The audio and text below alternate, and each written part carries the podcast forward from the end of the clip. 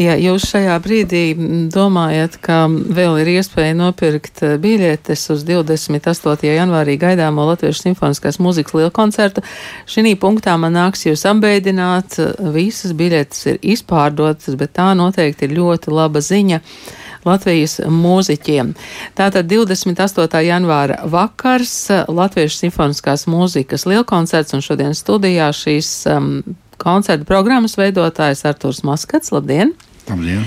Un diriģents Kaspars Adamsons. Labdien! Labdien. Artur, jūs varētu mazliet par šo tradīciju, jo man šķiet, ka cilvēki jau var ierakstīt savos kalendāros, ka notiks atkal Latviešu simfoniskās mūzikas lielkoncerts, un es saprotu, ka mūziķi jau tagad var ierakstīt nākamā gada koncerta datumu. Jā, mēs esam vienojušies tiešām par nākamā gada koncerta datumu un cerams, ka tas viss tā būs. Un tas būs nākošā gada 20. janvārs, bet šogad 28. janvārs un Latvijas koncerts rīko šo vērienīgo koncertu, iesaistot Latvijas lielos simfoniskos orķestrus, Latvijas Nacionālo simfonisko orķestri, Latvijas Nacionālās operas un baleta simfonisko orķestri un Liepājas simfonisko orķestri. Un mani ir aicināti mēģinājuši kļūt vienmēr par šīs programmas veidotāju un kopā salicēju. Un to es uztveru kā tādu ārkārtīgi patīkamu pienākumu, jo ir tik interesanti domāt par to, kas ir noticis mūsu latviešu simfoniskajā muzikā agrāk, kādi izcili komponisti tajā ir bijuši, kāda ir šodienas latviešu simfoniskās muzikas kopaina un kādi jauni pirmatskaņojumi ir gaidām. Tie tātad ir trīs varbūt tie galvenie vaļi, uz kā balstās šī skaistā Arnolda Klotiņa dibinātā tradīcija.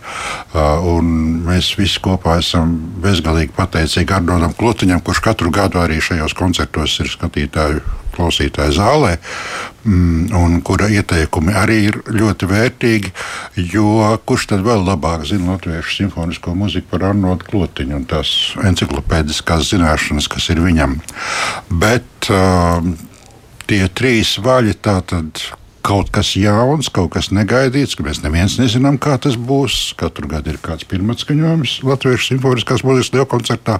Ir kādas varbūt aizmirstas, ja nepamanītas klasiskas vērtības, un ir lielo klasiķu un arī mūsdienu klasiķu, varētu teikt, jubilejas, kuras ir jāatzīmē simfoniskajā žanrā. Un tādā veidā mēs modelējam šo programmu, lai būtu pārstāvēti arī galvenie žanri, kas ir simfoniskā mūzikā. Un tas ir, protams, simfonija, tas ir instrumentāls koncerts, un tie ir vēl dažādi, mm, varbūt svītas, varbūt kaut kādi negaidīti salikumi reizēm. Kādreiz ir bijis arī tā, ka komponisti no saviem iepriekšējiem darbiem izveido kaut kādu speciālu, jaunu versiju un piedāvā šim koncertam. Tā kā izvēles iespējas vienmēr ir lielākas nekā mūsu praktiskās iespējas ielikt kaut ko šai koncertā, jo katram koncertam tomēr ir jābūt savai tādai konkrētai dramaturģijai un arī konkrētai chronometrāžai. Mums ir mm, jārūpējas par to, lai šīs zāles būtu izpārdotas, lai publika paļautos uz to, ka tas, ko mēs darām, ir labi un ka tas eh, nebeigsies 5 minūtes pēc pusnakts. Jā, lai cilvēki nokļūst arī mājās. Ja? E, jūs teicāt kaut kas jauns, tātad Ilons Breģis 4. simfonija ir tā, kas būs jauna, un mans kolēģis Zikfrīds eh, Mukta Pāvels jau ar Ilonu Breģi un diriģentu Gunti Kuzmu runājuši šo sarunu. Jūs varat atrast kultūras rondo arhīvā. Iesākām ar Jāzepu Vītolu, kuram šogad jubileja un vēl kādi jubilāri ir. Jā, šajā programmā šoreiz ir jubilāri Jānis Vītols, kuram būtu 160, kura mūzika dzīvo un arī simfoniskajā žanrā tieši izvēlētā svīta dārgakmeņi ir visdzīvīgākais Jānis Vītols simfoniskais darbs, kas ir atskaņots atkal un atkal un atkal, ko ir spēlējuši visi mūsu vadošie orķestri. Un šoreiz tas ir uzticēts mūsu sarunbiedram Kasparam Ādamsonam, operas teātra diriģentam. Bet runājot par Jāzepu Vītolu, jāatzīst arī, ka šī mūzika, tieši svīta darga, vienmēr ir bijusi saistīta ar dēļu. Tāpēc arī mēs uzticējām šo, šo atskaņojumu tieši operas un baleta simfoniskajam orķestrim. Otrs jubilārs ir Helmers Pavasars, brīnišķīgs latviešu romantiķis. Uh, viņa vioja koncerts, no kura mēs atskaņosim lēno otro daļu, ir varbūt tāda aizmirsta klasikas vērtība, jo Helmers Pavasars devās 44. gadā emigrācijā, un viņa muzika, protams, līdz 90. gadiem šeit vispār neskanēja. Un tad, kad sāka skanēt, tad tās vairāk bija solo dziesmas, kora dziesmas, ne tādi simfoniskie darbi, kas arī ir viņa dairādas krātuvē. Bet šoreiz mēs pievēršam taisni viņa 120. jubilejas gadā mēs pievēršam uzmanību viņu vietu koncertam, un solisti būs eh, jaunā latviešu violniece Paula Šūmane. Un vēl jubilārs ir Juris Karlsons. No šodienas, viņam drusku mazāk. Ja. Viņam drusku mazāk. viens no šodienas rakstošajiem tieši simfoniskās mūzikas autoriem, jo es domāju, ka Jūra Karlsona pienesums simfoniskās mūzikas laukā ir ārkārtīgi būtisks. Viņš ir strādājis daudz, daudz gadus šajā novadā. Viņš ir devis tiešām lielas paliekošas partitūras, un partitūra, ar kuru noslēgsies šī gada mūsu koncerts, ir Jurka Karlsona darbs Jāzepa Vīzijas. Un šis darbs ir rakstīts Raņu un Aspāzijas 150 gadu jubilejas gadā, un toreiz guva tādu ļoti lielu atsaucību, un viņš tiešām tiešām ir ļoti krāsainu, mistisku, daudznozīmīgu simfonisko partitūru uzrakstījis. Un solists tajā ir arī negaidīts pavisam Dalmans Kalniņš savu balsi. Jā, nu, Jāzeps Raņa, Jāzeps uh, nodarbina joprojām radošos prātus arī teātros un, kā dzirdam, arī mūzikā. Eh, kas par ko jums nozīmē tas, ka jums ir eh, jādiriģē šajā liela koncertā? Tas atšķiras no, no tā, ko no, nozīmē diriģēt operas orķestra vietā? Nu, man tas pirmām kārtām ir ļoti liels gods, pagodinājums būt eh, šajā koncertā. Um, tā noteikti ir tāda iekšēja arī svētku sajūta vispār arī šīs nedēļas pašā sākumā, šobrīd satiekoties un esot šeit un, un sarunāties par šo visu.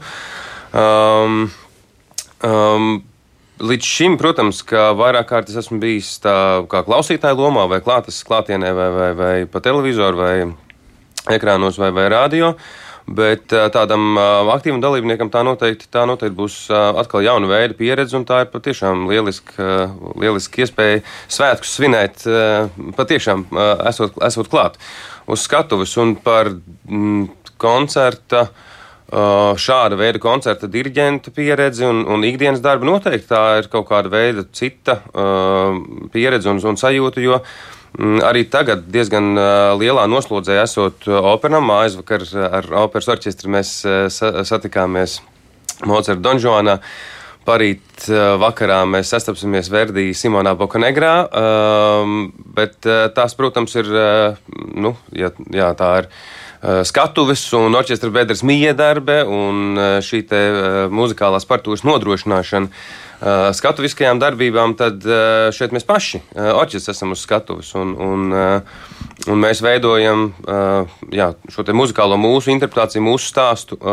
Jā, nu, kā mēs to uh, esam gatavojuši un tajā brīdī jūtam, vairs netik daudz uh, respektējot uh, tieši uh, skatuves klātbūtni. Tas nozīmē, jūs esat uz skatuves un tā miedarbība ir tiešāka ar zāli. Visnotaļ ar klausītāju, protams. Un kā jau jūs minējāt, sākumā tas ir lieliski, ka mēs zinām, ka klausītāji būs gana daudz. Jā, klausītāji būs, būs gana daudz.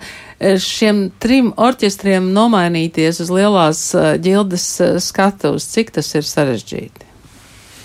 Tas ir um, milzīgs darbs īstenībā, kas ir aizkadrā. Un es vienmēr abrīnoju savus kolēģus uh, Latvijas koncertos, kuri to vienmēr ir ļoti, ļoti labi pratuši tikt galā visu šo loģistiku, visus šos instrumentus, visus šos dažādos sastāvus. Uh, un vienkārši šos cilvēkus, lai arī mēģinājumu grafiku izkārtot, un arī mm, šie bezgalīgi daudzie tehniskie sīkumi, kas tur it kā parādās, tas viss prasa laiku, milzīgu spēku pieredzi un, un arī prasmi to visu organizēt. Tad es uh, varu tikai minēt, ka galvenais producents Latvijas koncertos Edgars Janovs, man liekas, tajā dienā ir ar telefonu uh, no rīta līdz vēlai naktī faktiski uz strīpas. Un, un tas tiešām prasa ļoti daudz, bet nu, mēs esam priecīgi, ka mums ir tāda komanda, kas spēj tik saskaņot strādāt. Tātad trīs orķestri, Latvijas Nacionālās operas orķestris, Liepājas simfoniskais orķestris un Latvijas Nacionālais simfoniskais orķestris. Trīs orķestri, viens koncerts, um, divas daļas. Jūs apmēram esat prognozējuši to um, beigu laiku?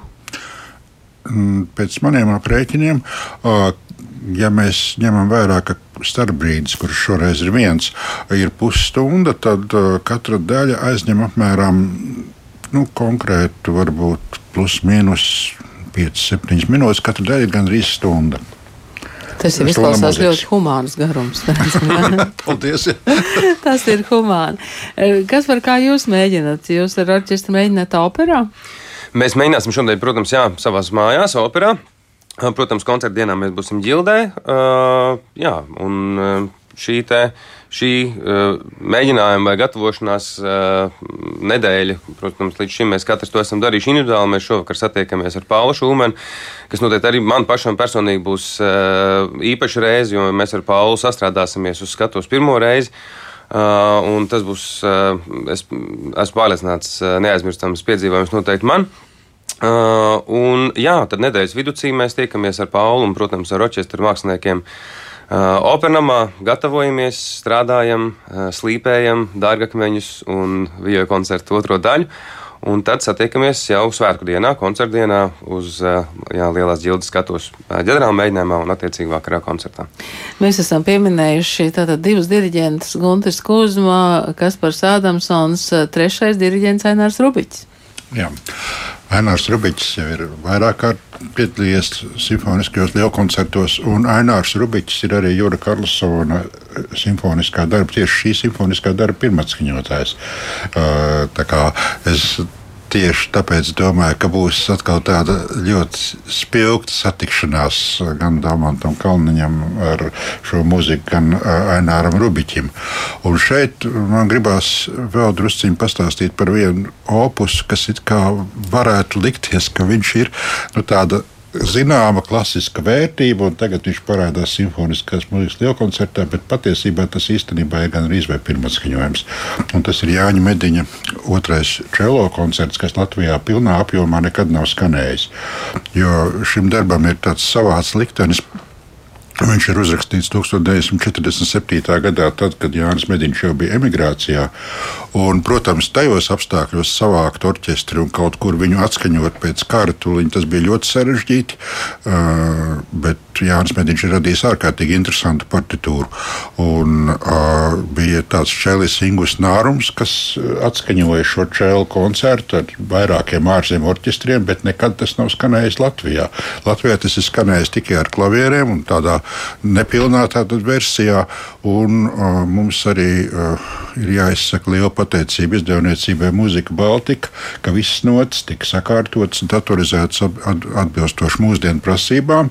Un šo opusu varētu teikt, no jauna iestudēt uzņēmās uh, Čelis Kristofers Bergs, kurš arī būs viens no lielu koncertu mm. solistiem. Tātad var teikt, ka Jāņa Mediņa otrā čelo koncerta pirmatskaņojums Latvijā. Mūzika, kas pie mums ir nākusi gan arī 75 gadus. Lai būtu šie jaunie darbi, kā šajā gadījumā Ilons Breģis 4. simfonija, ko tas nozīmē, ka Latvijas koncerti var pasūtināt eh, kādam komponistam? Kādreiz ir arī tā, bet uh, vairāk jau pasūta orķestri paši. Un šis ir Liepājas simfoniskā orķestra pasūtījums Ilonai Breģei. Ir bijuši arī tā, ka Latvijas koncerti uh, organizē pasūtījumu, un, protams, arī Latvijas Nacionālais simfoniskais orķestris. Ir bijis arī tā, ka uh, man pašam tāds gadījums bija, kad Mārtiņš Ozoliņš uh, rosināja no baleta bīstamie sakari izveidot atsevišķu simfonisku svītu. Nu, tad es to veidoju speciāli Kaut gan jau kopš baleta pirmā uzdevuma bija pagājuši kaut kādi 15 gadi. Mm, tā kā dažādas tās situācijas ir. Šoreiz mums jāpateicās Liepājas orķestrim par sarūpētu pirmatskaņojumu, un es domāju, ka uh, Ilona Breģa ir ļoti, ļoti nopietns simfoniskās mūzikas autors. Tātad šoreiz koncerts notiek Lielajā ģildē, tāpat kā līdz šim. Vai jūs gaidāt uh, jauno akustisko koncertu zāli Rīgas filharmoniju, kā tas darba nosaukums šobrīd ir? Filharmonijas nosaukums būtu atbilstošs. Skatīsimies, kā tas izdoties, izdosies, bet, bet uh, man jau liekas, ka ir pilnīgi jau nu, teikt, tādā teiksmes līmenī apspriest šo lietu. Vai mēs, vai mēs gaidām, vai kā. Um, gadu desmitiem, domāju, gadu gaidām. desmitiem mēs gaidām, jo man liekas, ka cik es sevi atceros Latvijas neatkarības gados, tik visu laiku ir bijušas runas par uh, jaunu koncertu zāli, un pa to laiku ir perifērijā uzcelts uh, mūsu brīnišķīgās zāles. Jā, ir, ir CS, ir Rezekne, ir Liepāja un ir Ventspils un Rīgai nekā. Nu, mēs gaidām. Kas par vai, vai lielajā ģildē labi skanēs?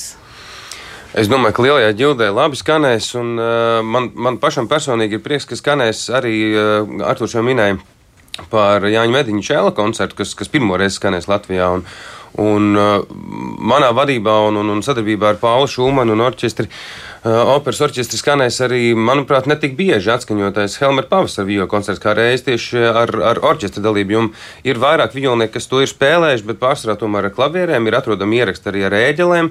Bet, ja es nemaldos, tad arī šajā ēkā radio mājā nemaz nav pieejama ieraksta ar simfonisko orķestri. Un, lai arī darbs tika pirmskaņots jau 1940. gadā, kā reiz tieši Jāņa Mediņa vadībā, ja es pareizi atceros, un, un pēc tam arī dzen, ir uh, spēlēts uh, laikam tā spilgtākā reize, varētu būt 44. gada, jā, īstenībā 22. septembris, kad Helmeram pavasaram tika veidots tāds autora koncerts, kas tika ierakstīts no sākuma lentā, jo, un pēc tam attiecīgi atskaņos vakarā, jo, lai mākslinieki tumsā ietu mājās, bija šīs te, nu, Uh, apdra, apdraudējuma draudi.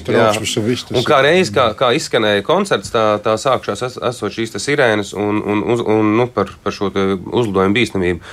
Un, uh, faktiski, jā, kā Helmers Pavasars savā atmiņā raksta, tā, faktiski tās bija viņa atvadas no, no Latvijas, jo divas dienas vēlāk, 27. septembrī, viņš uh, jau devās bēgļu gaitās uz Vāciju.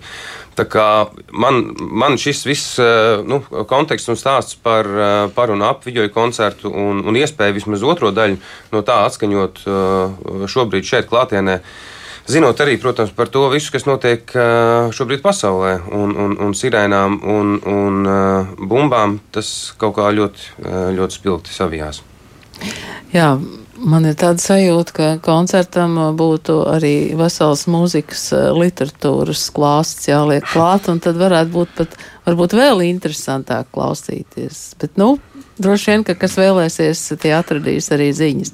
Es domāju, ka jā, koncerta programma, viņas buklets parasti tiek ļoti rūpīgi izstrādāts, un tur jau šīs ziņas arī būs iekšā. Bet gan stāsts par Helmeru pavasara partitūras atgriešanos uz Latvijas skatuves, gan arī par Jāņa Mediņa otrā čelo koncerta atgriešanos, viņi ir ārkārtīgi aizkustinoši un, un daudz ko liecina par mūsu kultūru un par mūsu kultūras likteni vispār šajos laika griežos. Bet, bet Eh, pieminot to, kā Kaspars tagad saka par šodienas situāciju pasaulē, man gribās arī teikt, ka Jāzepa vīzija tomēr ved uz kaut ko gaišu un tādu, mm, tādu domu pāri laikiem, kas atkal liek cerēt uz kaut kādu tādu. tādu harmonijas iespējamība, es teiktu tā.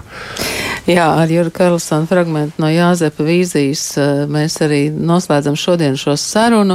Eh, cerēsim uz klasikas kolēģiem, kuri raidīs eh, koncertu. Pārējie, protams, kam ir iespēja būs klātienē, tātad 28. janvāris vakars un lielajā ģildē latviešu simfoniskās mūzikas lielkoncerts šeit studijā bija šīs programmas veidotājs Arturs Maskats un diriģents Kaspars Ādamsons. Paldies! Paldies!